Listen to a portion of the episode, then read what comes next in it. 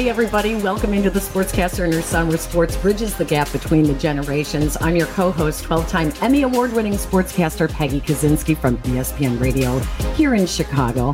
I'm also the mom, the sportscaster, and I'm the baby boomer. And I'm your other co host, Jason Conander. I'm Generation Z. I am uh, from Chicago. I'm going to be a senior here at the University of Texas at Austin. Uh, there, I'm involved with student television, was with Fox Sports in Los Angeles this past spring. Mom, it is so nice to be back. I'm so happy we are officially back. I was just going to say that we're back, and I hope people understand um, a bit of a hiatus. College schedules get crazy. Um, I went back to work at ESPN 1000 here in You're Chicago. Pretty big deal over there too.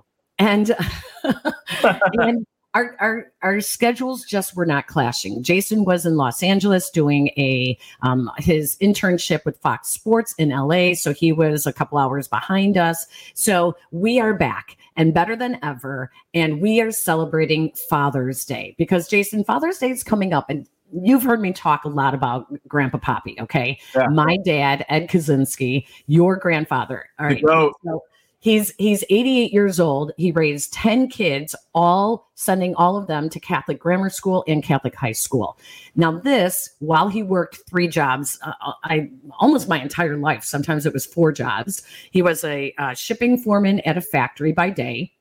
He worked in the school bowling alley. Yes, it is still there. My brother is running it on the northwest side of Chicago. There is a four lane bowling alley in the basement of the school. And my dad ran the bowling alley, super small, but it was for like the men's club, the women's club, the PTA, the cool department things like that, right? So he ran that on um, at night. He was a janitor at Elmwood Park High School on the weekends, and he served in the Air National Guard. I don't know, once a month, twice a month. I forget what it was now. So he worked very, very hard throughout his entire life.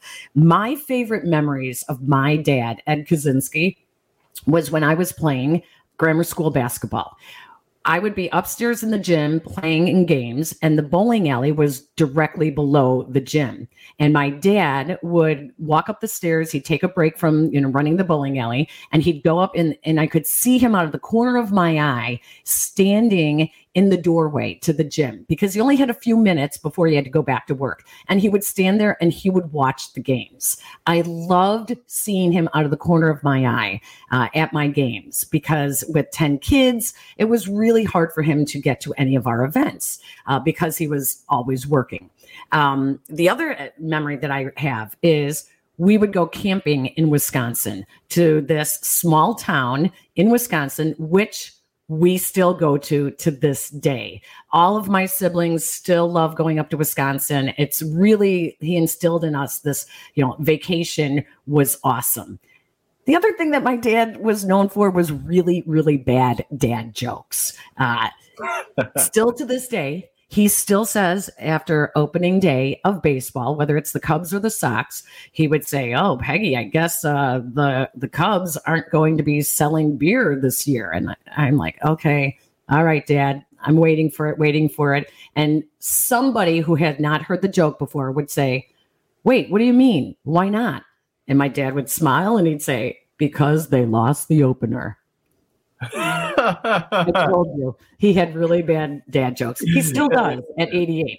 So, Jason, in honor of Father's Day, what are your favorite memories and things about your dad? My yeah, let me tell you. Let me tell you a little bit about my dad, my namesake, uh, Jason Conander Senior, absolute legend. I think that you know, I I love talking about the things that I get from my dad because I think that they're a little less apparent than the things that I get from you. I get you know this from you, this love of sports uh, my appreciation for talking about sports in front of a camera. I get that from you, and I think I get a lot of my personality from you. Uh, I get my name from my dad, my looks from my dad, and honestly, I think I get my sense of humor from my dad. My friends at school have no idea, and this is, you know, shout out to my friends at school who are listening to this because you'll know this, and the ones who aren't will not know this. Uh, a lot of the the jokes and the slang that I bring to school actually come from my dad. And so, you know, it'll be a weekend and we'll be going out and I'll be like, hey, all right, boys, like we're going to be getting in rare form tonight. And they're like, where'd you learn that term? Of course, I learned it from my dad. He's been using that since middle school. And so the amount of terms and sort of figures of speech and jokes that I get from my dad, people will never realize how many. I just I think that the guy's the funniest person on the planet, and he doesn't even try to be funny most of the time.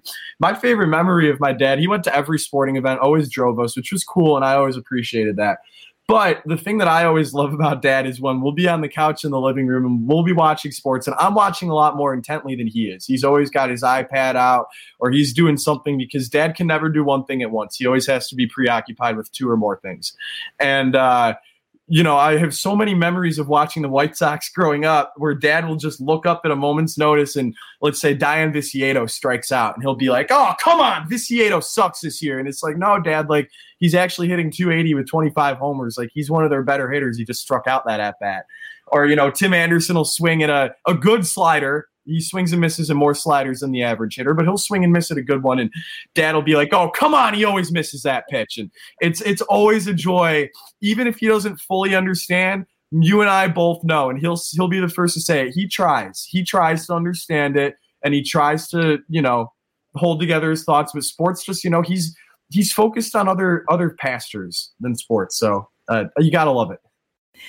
Okay, Jason. So let's just get right to it. Who's the biggest athlete right now in Chicago? Uh man, let me think. Justin Fields. Uh, yeah, I think so. So let's celebrate Father's Day this year by talking to the father of QB1. It's Pablo Fields joining us now on the Sportscaster and Her Son podcast. Hello, Pablo. Thank you for joining us. Hey, glad to be here. Hey to all the people in the Windy City. Well, this is exciting for people to get to know the father of QB1. After the last couple of years, uh, I know you like to keep a low profile, uh, but this is this means a lot to us that you're joining us. We are celebrating Father's Day, so start out by just telling us what's your relationship like with Justin.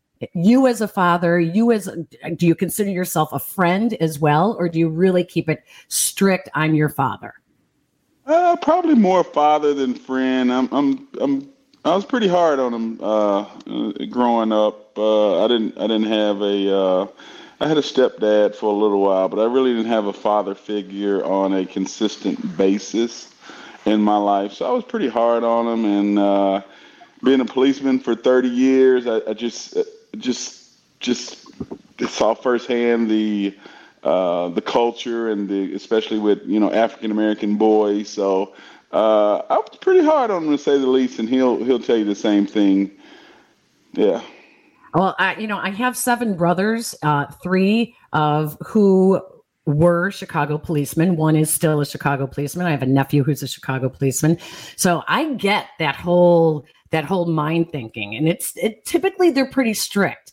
So how often now do you guys talk and how has that relationship changed now that he's an adult? Uh, well we don't talk every day but there's this app called snapchat. I absolutely love it. I can text my kids and they won't text back for hours but if i send a snap they snap back right away. And it's a way of kind of peeking into their lives. So say with him, he may be on the tarmac or he may be in the locker room or, or just doing anything crazy or uh, so we snap every day. We have a D, we call it D1 family Snapchat that we all communicate on. Uh, the whole family, uh, my wife, my daughters, and Justin. And uh, Snapchat is uh, really good. Wow, really good. Really good you know, as someone from the Snapchat generation, I can definitely definitely agree with that.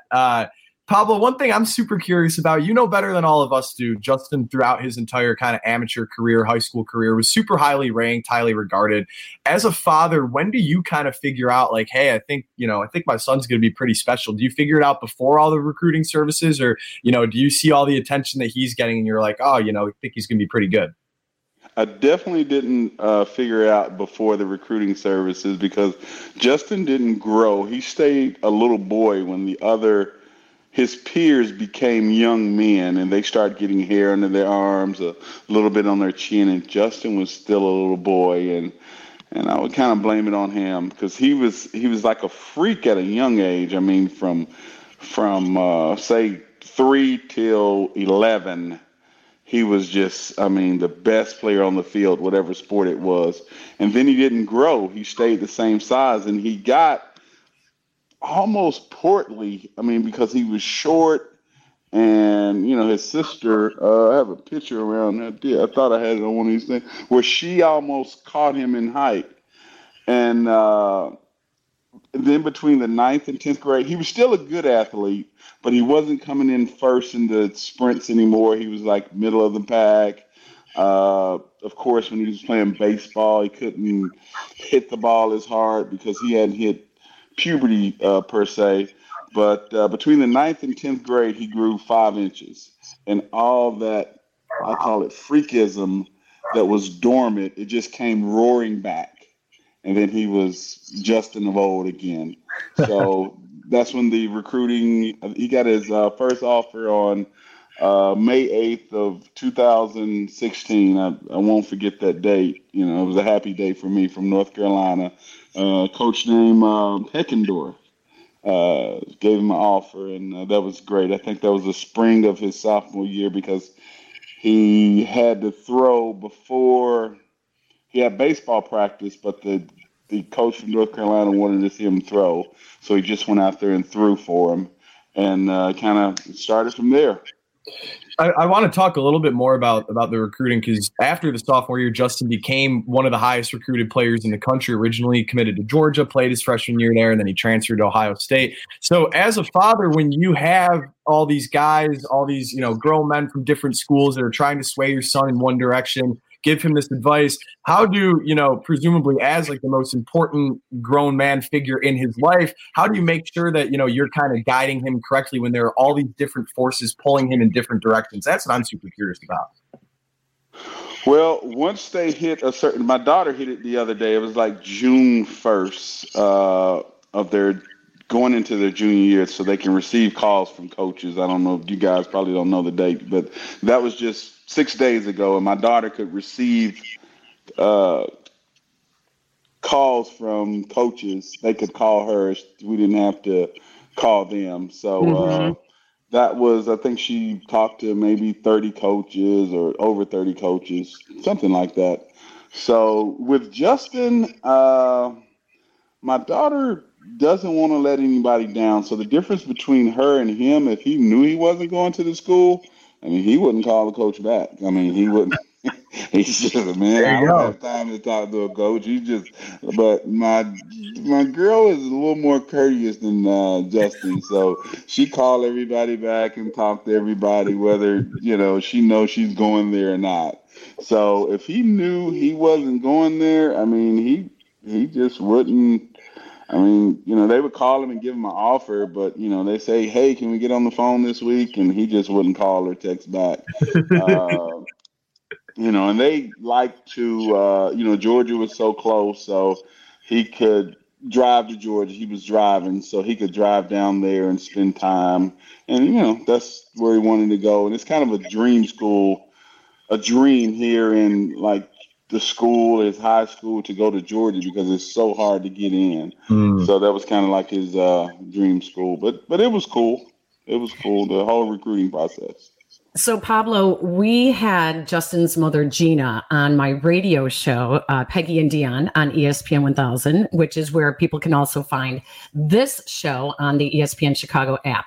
And what we found out from Gina was that uh, Justin got his um, vocal cords, his his singing from her that she is the singer. Uh, she passed that on to him. He grew up wanting to be on American Idol. So, Pablo, what did Justin get from you? the, the athleticism. I knew that the athleticism. I mean, that's that's what he got from me. And he can't sing anymore. He said the he had me crying. Uh, it was probably about six months ago, and I think he tried to sing, and I said, "Dang man, you used to be able to sing. You sound terrible now."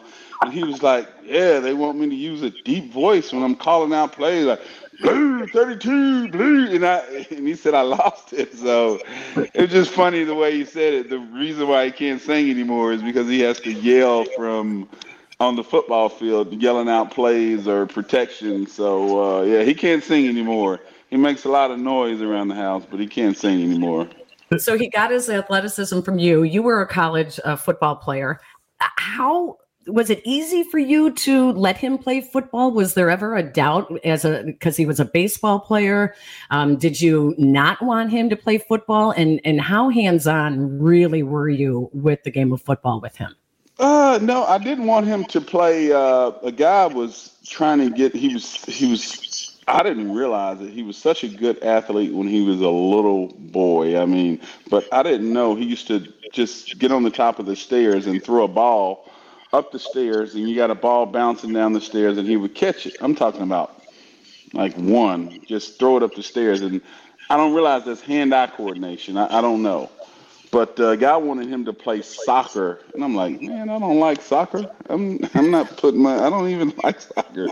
So uh, I wouldn't let him play at four, but I did let him play at five. And no, I didn't have any. Uh, that was really probably a little before doing all the CTE stuff came out. So I, I wasn't like scared to let him play football. And he played everything: football, baseball, and basketball. I mean, in the fall, he could literally have each game uh, in one weekend. He could have a basketball game, a football game, and fall baseball all in one weekend. And I, I loved it. It's what, uh, it's what got me fat. You know, I used to be a really good athlete and really fit and trim and a gym rat. But once my kids start playing sports, I start, you know, I, I had to sell my Harley and I, I didn't go to the gym anymore. So uh, yeah, I blame it on them is the reason why I'm fat now. So listen, Pablo, I tell my kids I've earned every pound. I've yeah. earned every pound of it. So that's okay. I just want to ask you a quick follow up on that. When I watch my daughter in gymnastics, I'm half the time I'm covering my eyes. That's what I was about to ask. Yeah. Do you ever have to cover your eyes when you watch Justin on the football field, especially when the offensive line is struggling? No, but I actually, uh, uh, nobody would believe this, but I, I hate the football games. I go to every one, but I'm like nervous. I look at my heart rate on my iPhone and it's through the roof. And I don't sit with any friends or family. He knows the two, the Bears only give him two free tickets, and I take those. Those are, I think they're on the about the 30 yard line behind the Bears bench.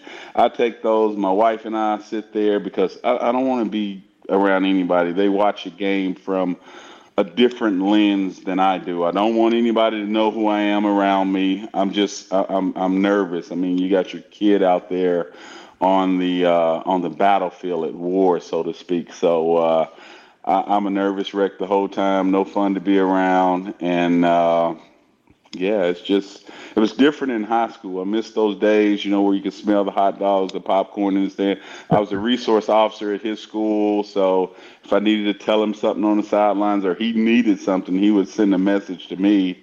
I think it was a clip on that little reality show where he was asking me advice where he fumbled twice in the rain and didn't know what to do. But uh, yeah, I miss those days. I mean, he doesn't know if I'm there or not. Uh, you know, playing pro football or college. So uh, I really miss those days, and I'm not very fun to uh, be with uh, at the game. Now, when it gets cold in Chicago, uh, I've been able to go in the booth with the coach's wife. So that's great. They watch the game from the same lens that we do, so to speak, because it's, it's pressure on them, it's pressure on us. It's not a whole lot of just drinking and having fun and enjoying a football game. We're watching a football game and we're we're, we're nervous. So uh, it's you know it's it's just some chatter in there, but it's just uh, I watched in another booth, one of his sponsors, one time. They were like, let's take some pictures. I'm like, dude. But the less of the two evil, I can't do the code. I've been in Georgia like 34 years. The, the code in Chicago at a football game would kill me. I, am sure you're referencing that Bears Eagles game from December at Soldier Field. It was it had to have been five degrees. Justin played yeah. great, but that game was absolutely miserable. Unfortunately, my mom took my follow up question. But what I was what I'm super curious about uh, is you know you said that you're not so fun to be around at these games, and I, I understand it too. Heck, if my kid was a pro athlete, I'd probably be the same way. But do do some of the things that Justin does on the field do they surprise you? Like, are you just as jaw dropped as we are at some of these long runs and great throws and sort of like superstar plays?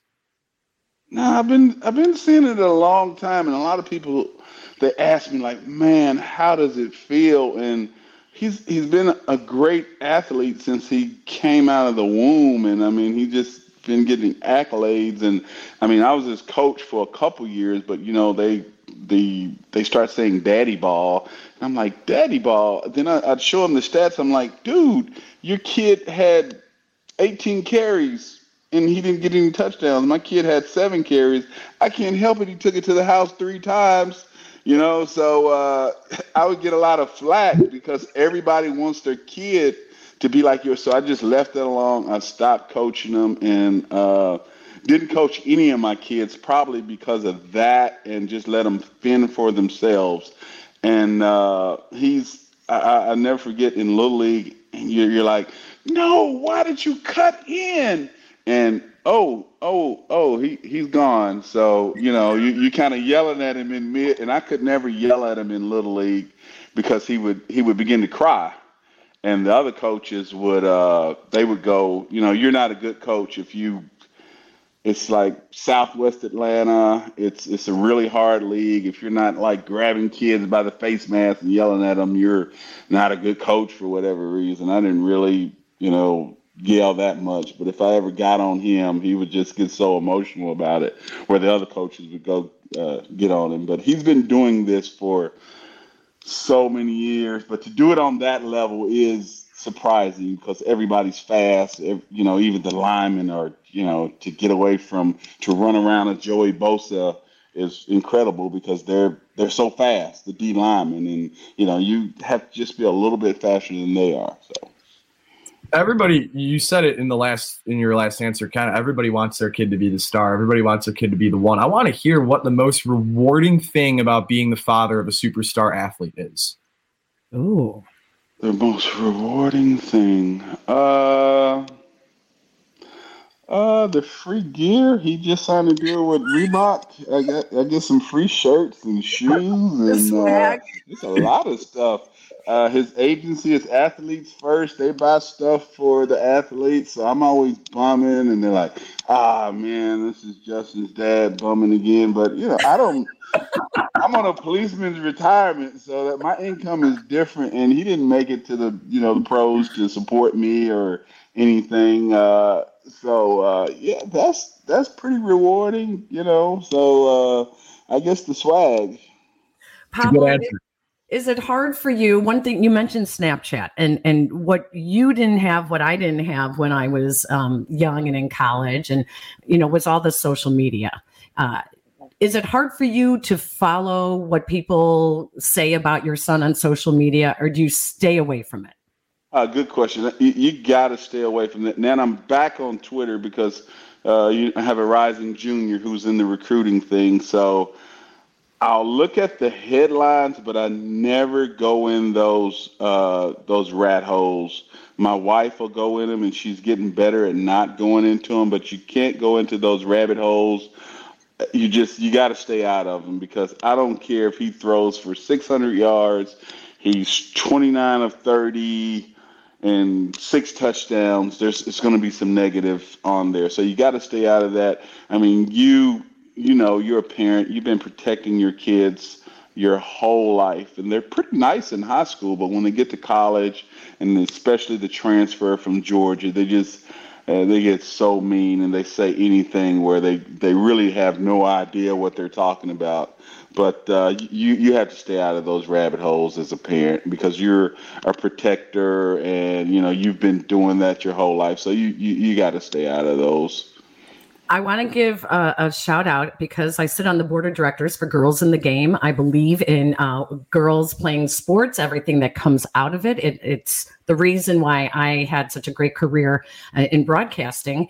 Um, let's give a shout out to the daughters because your daughters are athletes. And I saw it was it Jaden who just graduated. She was a softball yeah. player. And you just said you have another daughter who just entered the whole recruiting pool with the open contact period. So give a little shout out to the, the daughters as well. And um, tell us who the best athlete in the family really is well, my daughters are great. They're boys. Do, do you have girls? I have one daughter and two boys. Yeah. Okay, they are so much more responsible than boys. I mean, Justin is just a hundred percent irresponsible boy. I mean, even as as a grown man, I take care of a lot of his stuff for him. But uh, girls, they just take care of their business. They're so well. The little one, she's kind of got a dirty room, but uh, yeah, the Jaden is a softball player. She uh, she was she was at Georgia, and Jaden's kind of you know built like me. She's kind of stocky, and she wanted to do ballet or be a dancer when he she was younger. And I'm like, Jaden, you built like me, babe. Uh, I don't think you're gonna be a dancer.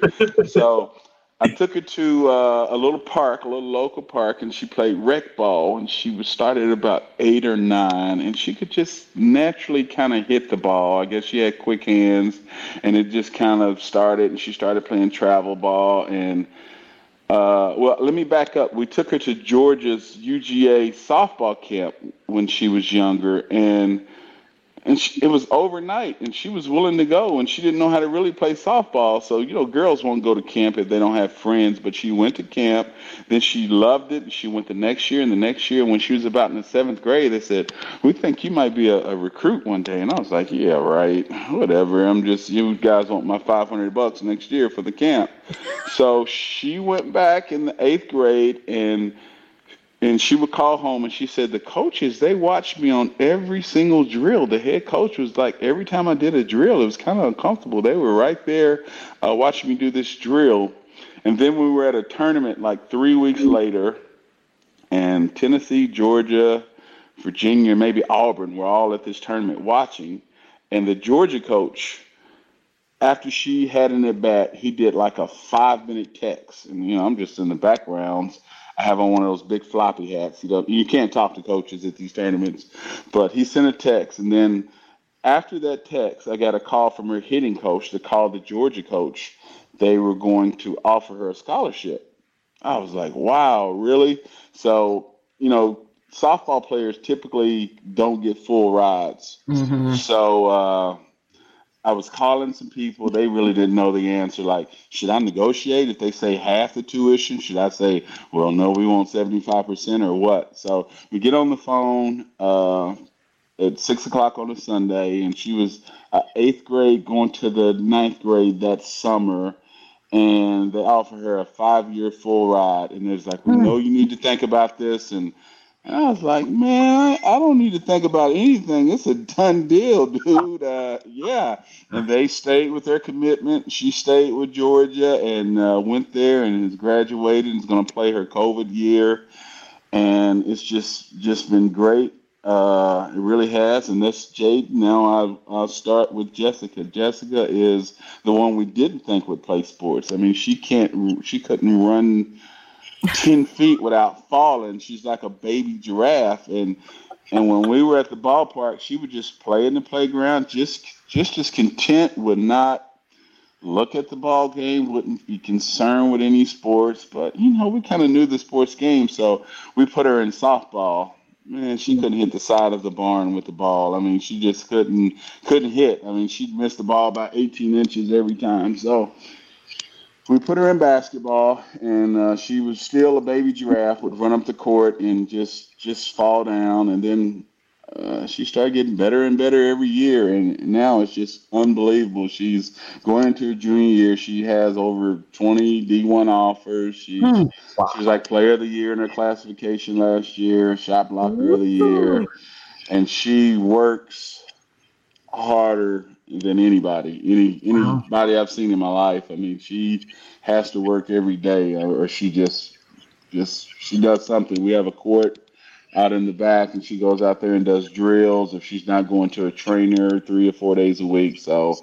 Uh, I think she may be the best athlete, but I don't know. Justin's pretty freakish though, and the and the other daughter, uh, she's she's good at hitting the ball too. So I've been blessed, and it's my hobby. It's it's the way you meet your friends through traveling all over the country, watching your kids play. So mm. you know, just what a blessing as a father to do that, especially being that I like sports so much. So you know, I used to lift weights and play ball even after my days of playing ball all the time until uh, Little League came along. So mm. it's a, it's a blessing. So, Pablo, with Father's Day, uh, we'd like to get some advice from fathers. Do you remember the last piece of advice that you gave your son, Justin Fields? Yeah, yeah, yeah. We have a uh, well, we we get together. I told you we get together on Snapchat. Also, we get together on a family prayer call every uh, Wednesday morning before he goes to work, before the girls go to school or class. So we all get on FaceTime and uh, we do a little prayer call. It only doesn't. Everybody's busy, so it doesn't take her a long time. But but it was basically don't uh, don't follow her path. Make your own trail. Mm. don't don't follow the path. Make your own trail. So. Uh, you know, do things differently than everybody else. Be different. So, I love uh, it. yeah, he, he he's he's pretty good at that, and um, just doing his own thing, and been very. He got a, in all of his trouble in the house, thank God, and I knock on wood. I mean, me, I couldn't stand the kid from about thirteen to fifteen. Uh, but uh, you know, he just uh, he, he's he's been great. You know, he knows how important the family name is to us and, and, and leaving a legacy and, you know, even the promise he made me by graduating from college. I mean, most kids wouldn't have, you know, done that, just taking classes and, uh, you know, it was, a, it was a pain, but hey, you know, they, nobody can ever take that away. Get your degree. Uh, that's what we did all this for was free college. Yeah. You know, I never ever dreamed of, you know, really playing pro football, just free college. We'd have loved to go to Mercer on a scholarship, but they never offered. So it's a little school here, you know, when he was the MVP at the quarterback camp in the eighth grade. And it was pretty heartbroken, you know, and they didn't offer him or anything. So, yeah. We really appreciate you taking this time. And Okay. um, this is a big season for your son. And Yeah. uh, he there could be a contract extension in his future. And I'm guessing that if that happens, your Father's Day gift will be a nice big winter coat. because he'll be in Chicago for a few years longer. yeah. I can keep the torso warm. It's the hands, the feet, and I, I just don't know how you guys do it. Pablo, Uh, there's hats off to warmers. You. You got to put the hand warmers for your feet and your and your gloves. Yeah, it's cold there, man. It's cold. So I'll try. I'll try, but it's awfully cold there. Yeah, I'll Well- tell them to buy me a coat. Happy Father's Day uh, to you, you. and your family. Um, by all accounts, you've done an amazing job, and we can't thank you enough for taking the time to join us on the podcast. I appreciate it. You guys take care. You've done a good job with your son too. He's a articulate young man, and he seems like a rock star in the business. So he'll he'll go far. Thank you very much. Our thanks to Pablo Fields for joining us. And when I say that I stalked him for um, the last couple of years, I I, I sort Hey, of did. hey. We we we can't give away. Yeah, I'm not going to say how. I'm not going to say how, uh, but um, I knew that he would be a fun interview, and uh, I really do appreciate the fact that he granted us the trust to do the interview and to have him on the podcast. So our thanks to Pablo Great Fields. timeliness too. Yeah, Jason. Um, hey, I don't have final thoughts because it's Father's Day. It's not about me. It's about all the men out there who are dads. Um, why don't we let you do your predictions? Yeah, let's do let's do predictions. I got three ones. They're pretty rapid fire, pretty quick, especially because my Mac seems to be uh seems to be dying here. Okay, anyway, uh, we have three quick predictions. I'm going to say that both of the Chicago baseball teams are going to be buyers at the deadline. The Cubs sort of falling behind a little bit, you know, in the in the long kind of break that we had in between shows. I, I think I said the Cubs would be sellers. Uh, I actually think they're going to be buyers. They have some pretty good pieces. The NL Central stinks, and so does the AL Central. The White Sox don't have as much of a choice as the Cubs. They kind of got to stretch out the window. So I think that they're both going to be buyers. Will it work? Probably not. But you know, at least we'll see the attempt at winning baseball in Chicago this summer. It'll be more fun than past summers. Uh, prediction number two: Stanley Cup Finals. The Vegas Golden Knights are up two to nothing. Luckily, now that we get our shows up a little quicker, I can actually you know predict a series while it's going on. I'm going to say Florida comes back and wins that series. Vegas has dominated the first two games, but the Cinderella run of all Cinderella runs.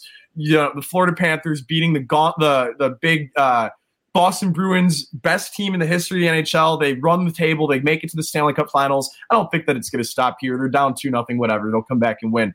As for the NBA Finals, my final prediction: where things stand right now, Denver leads two games to one. I think that Denver's going to win the next the next two games of the series and win in five. Might not be that bold of a prediction, but you know, I feel like every prediction I make on the show is a pretty bold one, and I'll take my gimme predictions when I can get them. So Nuggets in five, Panthers in six, Cubs and Sox sellers. There are your three predictions for today. I love it. Well, our thanks to Jake Cantu, who is our producer at ESPN Chicago, where you find the audio version of this podcast. It can be found on the ESPN Chicago app, and the rest of it is on um, Apple Podcasts. Uh, you can you can watch us also on YouTube. And Jason, what do we want people to do? We want people to follow our Twitter at TSAHS Pod. I will be tweeting a lot more on there starting today with our show back up and running. So excited about it, as you can tell with a big smile on my face. We also want people to like, rate, and subscribe anywhere that you can get your podcast. You can find our show. My preferred app is the ESPN 1000 app, but might not be your preferred app guarantee that you can like, rate, and subscribe whatever app you listen to our show, wherever it is. I promise it helps us. So please keep that in mind when you're listening to us. Thank you, everybody, for joining us. Have a wonderful Father's Day to all you dads out there. And we will be back soon with another episode of The Sportscaster and Her Son.